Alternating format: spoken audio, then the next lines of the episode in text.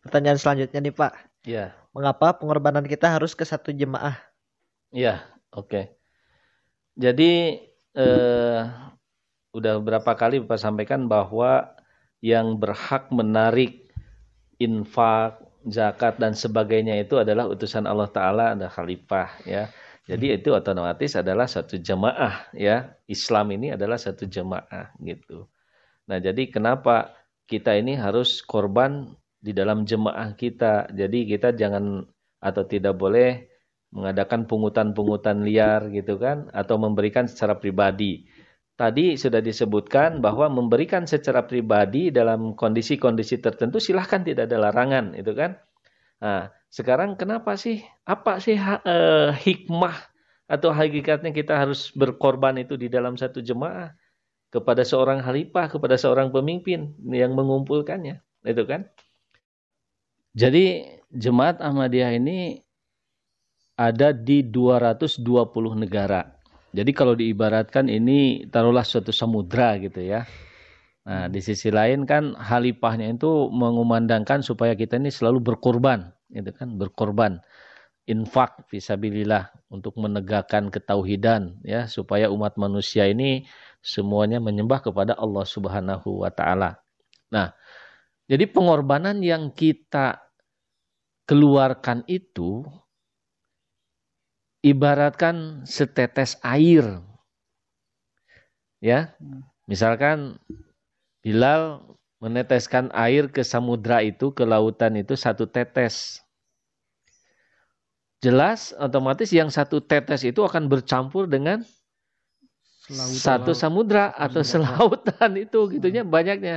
Dan kalau kita minta coba ambil air setetes punya Bilal.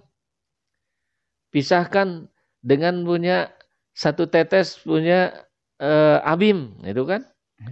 Bisa enggak murni itu milik kita? Enggak. Enggak bisa kan? Bisa bercampur. Bercampur.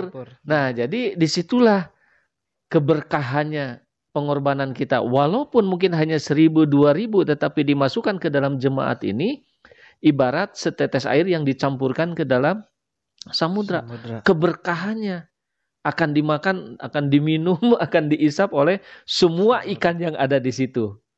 Artinya pengorbanan kita yang diserahkan kepada jemaat ini, ini akan dirasakan oleh semua umat manusia di mana pun berada.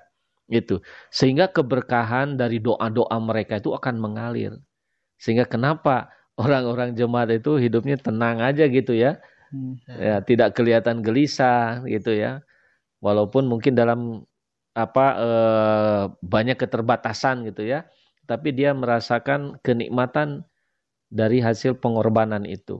Jadi pengorbanan itu bukan hanya dirasakan oleh satu orang. Nah, kalau kita memberikan pada satu orang ini, kan hanya satu orang itu yang yang merasakannya. Ya. Ya.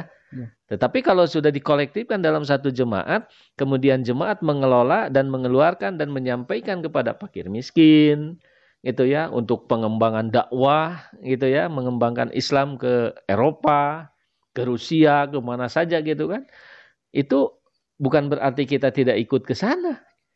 Sudah diwakili dengan pengorbanan kita. Hmm. Ada yang dipakai sekolah untuk mencetak para mubalik gitu kan, mencetak buku-buku dan lain sebagainya.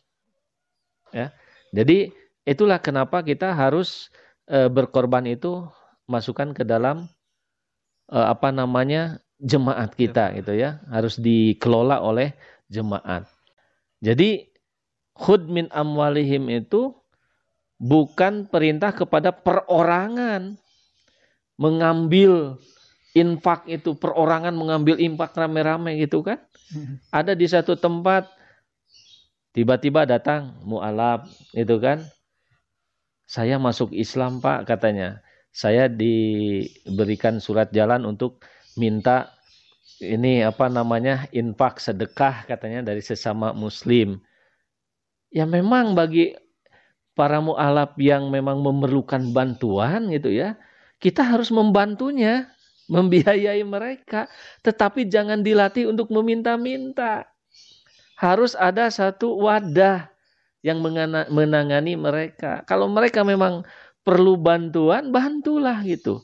Tetapi tidak sedikit kok yang masuk Islam melalui jemaat Ahmadiyah, orang-orang yang kaya raya, dia tidak minta-minta lagi, bahkan mereka menyerahkan hartanya ke dalam Islam Salam. ini. Ya. Ya, jadi kalau orang-orang bertanya dari mana sih jemaat Ahmadiyah ini dapatkan duitnya, ya dari anggota, dari kita-kita ini dan kita tidak pernah minta kepada orang, lain. orang yang lain. Nah ini akan tertib kalau semua organisasi di mana pun berada ya eh, membangun apa pun gitu ya.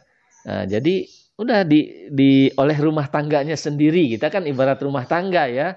Ada golongan A, golongan B, golongan ini, golongan ini ya, jemaat ini, jemaat ini. Itu kan ibarat satu keluarga. Maka hmm. bangunlah gitu. Nah, maka kepedulian keluarga-keluarga yang lain bukan tidak boleh silahkan. Tetapi kita tidak harus minta-minta tangani dulu oleh keluarga kita gitu kan karena itu tanggung jawab kita seperti jemaat Ahmadiyah seperti itu jadi di mana pun kita membangun kita berusaha apa namanya itu menarik sumbangan atau pengorbanan itu dari anggota jemaat sendiri. Dan kita bisa buktikan di 220 20 negara itu. Jadi kembali kepada surat At-Taubah Tadi itu hudmin amwalihim itu adalah perintah pada nabi kepada para halifahnya kalau sudah nabinya tidak ada, kepada amir-amirnya, amirnya mewakilkan kepada para ketua cabang, pada muhasil, nah itulah yang berhak mengambil itu. Itu. Nah, jadi itulah kenapa kita harus kena jemaat itu kembali hikmahnya sangat luar biasa ya. Ibarat setetes air, air yang dimasukkan ke dalam lautan, samudra. semuanya yang ada di lautan, yang ada merasakan. di samudra itu akan merasakan, merasakan hikmahnya. Dan jadi kalau umat Islam ya bayangkan di seluruh dunia, nah, taruhlah masing-masing keluarga tadi bertindak seperti itu ya, kalau bisa itu sangat luar biasa. Akan maju Islam. Akan maju Islam maju. ini. Hmm. Itu ya. Nah ngomong-ngomong tentang pengorbanan nih Pak ya. Sekarang kan um, tentang masalah syahid nih Pak. Sekarang banyak orang yang menggembor-gemborkan tuh untuk syahid yang di mana mereka mempunyai pemahaman syahid itu adalah mati berani mati gitu pak.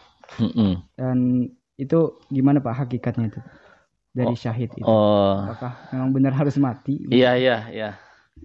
Jadi itu harus benar-benar dipahami ya hmm. kata syahid itu sehingga orang banyak yang salah pengertian tentang syahid itu mati syahid dengan pahala surga langsung gitu ya sehingga dalil ini kadang-kadang disalahgunakan ya sehingga tidak sedikit berita-berita sekarang ini kan yang mengerikan ya bagaimana hmm. orang-orang itu mau membunuh diri ya menyerang orang yang tidak sepaham karena dijanjikan kalau mati ketika menyerang itu dia akan mati syahid gitu kan. Ya. Nah, apakah ini benar begitu gitu kan? Rasulullah tidak mengajarkan begitu. Hmm. Rasulullah bertahan dari serangan-serangan orang-orang yang benci. Ketika kita mempertahankan keimanan dan kita gugur di situ, kita mati syahid. Ya, ada di dalam uh, surat Al-Imran ayat 99 ya kita baca eh, kata syahid ada di situ ya. Auzubillahi minasyaitonirrajim. Kul katakan ya ya ahlal kitab. Hei para ahli kitab gitu ya. Lima takpuruna. Mengapa engkau ingkar bi ayatillah kepada ayat-ayat Allah? Wallahu syahidun alama ta'malun. Jadi di sini kata syahid karena dihubungkan dengan kata Allah ya wallahu syahidun. Jadi artinya Allah itu sangat mengetahui apa pun yang tersembunyi. Tidak ada yang terlepas dari pengetahuan Allah Subhanahu wa taala. Ya. Sebaik-baiknya dia bersembunyi di dalam satu peti atau di dalam satu tempat, itu tetap ada yang menyaksikan, ada yang tahu Allah Subhanahu wa taala. Nah, kemudian arti lain daripada syahid ini adalah orang yang memberikan penjelasan tentang apa yang disaksikannya. Itu juga syahid. Orang syahid. Ya, dia bisa menjelaskan apa yang disaksikannya. Kemudian yang kedua, orang yang memiliki banyak ilmu itu juga syahid. Ya. Nah, jadi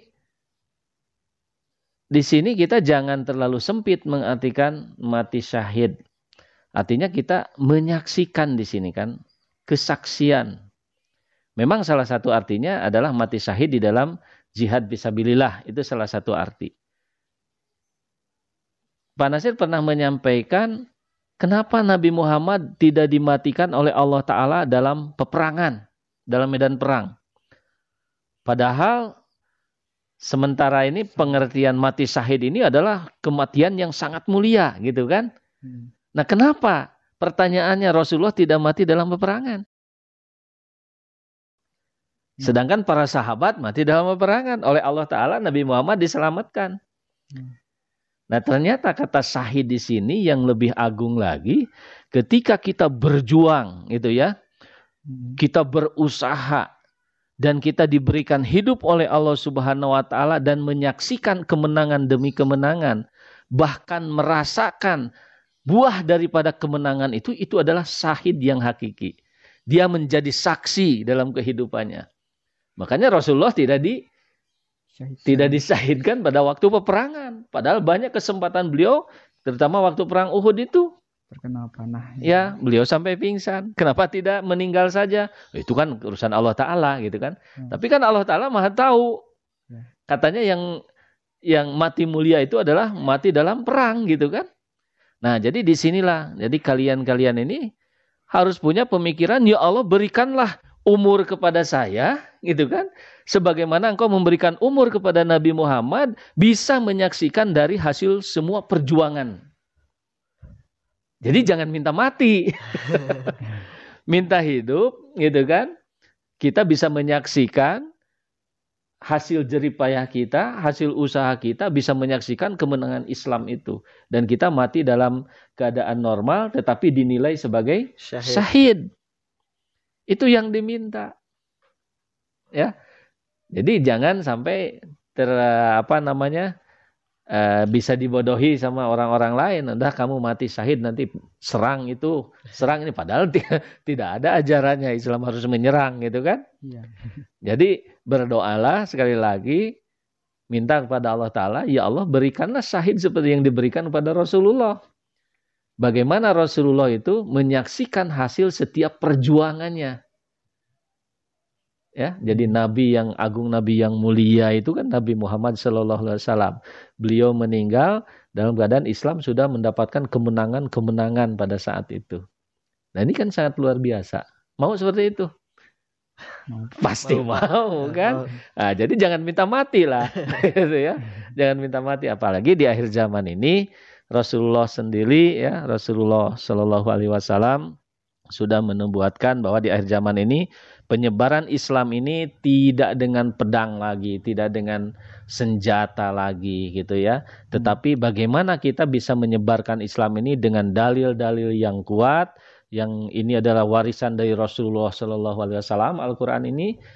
Jadi ketika kita bisa menyampaikan ayat-ayat ini dengan benar, itu juga sudah merupakan jihad jihad yang besar ya dan yang keduanya apa jihad yang paling besar itu itu melawan hawa nafsu. nafsu. Nah, jadi artinya sampaikanlah ini dengan ketidak apa jauh daripada sifat kesombongan gitu kan. Dan sifat takabur, maka sampaikanlah ini. Dan lebih baik kita menjadi saksi ya mengucapkan syahadat ini asyhadu alla ilaha illallah wa asyhadu anna muhammadar rasulullah itu ini yang paling penting jadi ketika syahadat itu menyatu dengan amal perbuatan kita. Bagaimana kita menyaksikan Allah itu yang maha tunggal, Allah itu yang maha esa.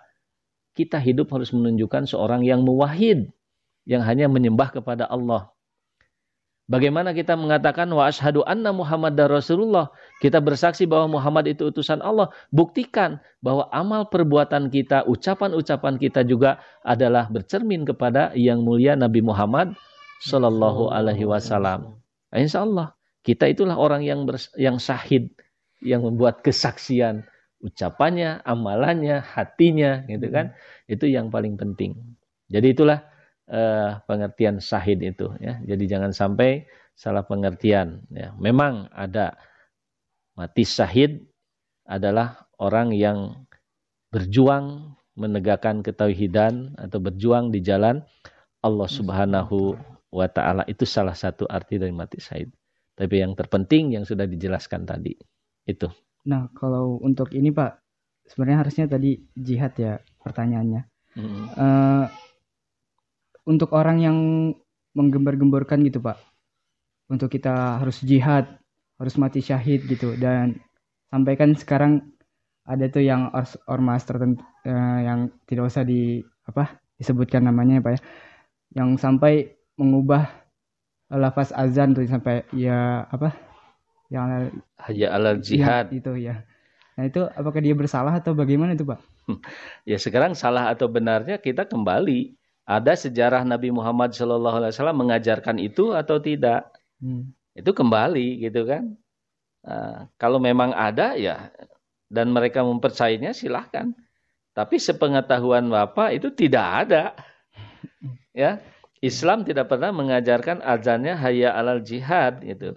Ya bagi orang-orang yang melakukan seperti itu ya itu harus bertanggung jawab nanti di hadapan Allah, Subhanahu wa taala gitu kan. Jadi di situ kan malah orang bakal takut gitu ya. Islam artinya adalah kedamaian, Islam artinya adalah keselamatan, Islam artinya adalah kepatuhan. Di mana letaknya di situ? Apa orang akan menjadi damai dengan melihat parang, dilanggar seperti itu. Membawa senjata. Membawa senjata. Nah, itu tadi pengertiannya hmm. salah tadi di dalam masalah syahid tadi. Hmm. Ya. Jadi syahid itu membunuh orang atau kita terbunuh dalam peperangan? Terbunuh. Terbunuh dan memang kita sedang diserang oleh orang, ya. Hmm. Kita sedang mempertahankan diri, kita terbunuh. Nah, di situ syahid. Hmm. Dan kita dalam mengadakan menegakkan Islam. Orang yang sholat dipenggal, Orang yang mentauhidkan Allah Subhanahu wa taala dibunuh. Nah, ini bagaimana gitu. Jadi urusan neraka, sorga itu urusan Allah taala ya. Urusan Allah taala. Makanya masalah keyakinan ini adalah serahkan kepada masing-masing. Orang bisa memilih.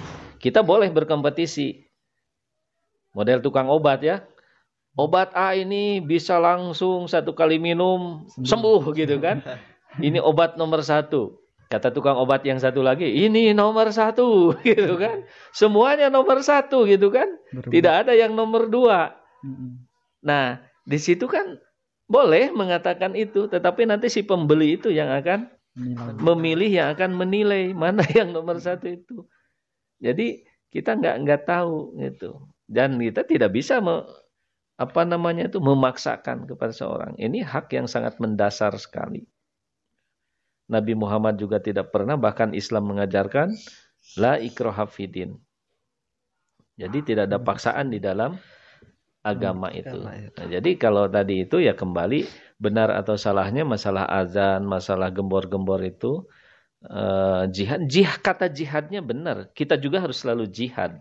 Ya. Karena kata Rasulullah ya sabda Rasulullah itu setelah perang Badar itu kan beliau menasihatkan e, para sahabatnya waktu itu dan tentu untuk kita semua bahwa jihad yang paling besar itu adalah jihad melawan nafsu, hawa nafsu. Nah, kalau di akhir zaman ini sekarang ini orang-orang sama-sama melawan hawa nafsu aman dunia itu. Jadi bukan saling membunuh. Baiklah saudara-saudara, beberapa pertanyaan sudah dijawab dengan jelas dan gamblang sekali oleh narasumber kita. Oleh karena itu, kami ucapkan jazakumullah kepada Pak Mubalik. Barakallah. Ya, uh, untuk saudara-saudara, kalau misalnya ada pertanyaan juga tentang apa yang sudah dibahas di channel Mustika Hidup ini bisa tuliskan pertanyaan saudara-saudara di kolom komentar dan insya Allah nanti kita akan sampaikan di episode selanjutnya. Baiklah, saya beri kali ini kita akhiri sampai di sini. Saya Abdul Salam Masrur Said dan saya Andi Bilal Ahmad. Kami pamit undur diri. Wassalamualaikum warahmatullahi wabarakatuh.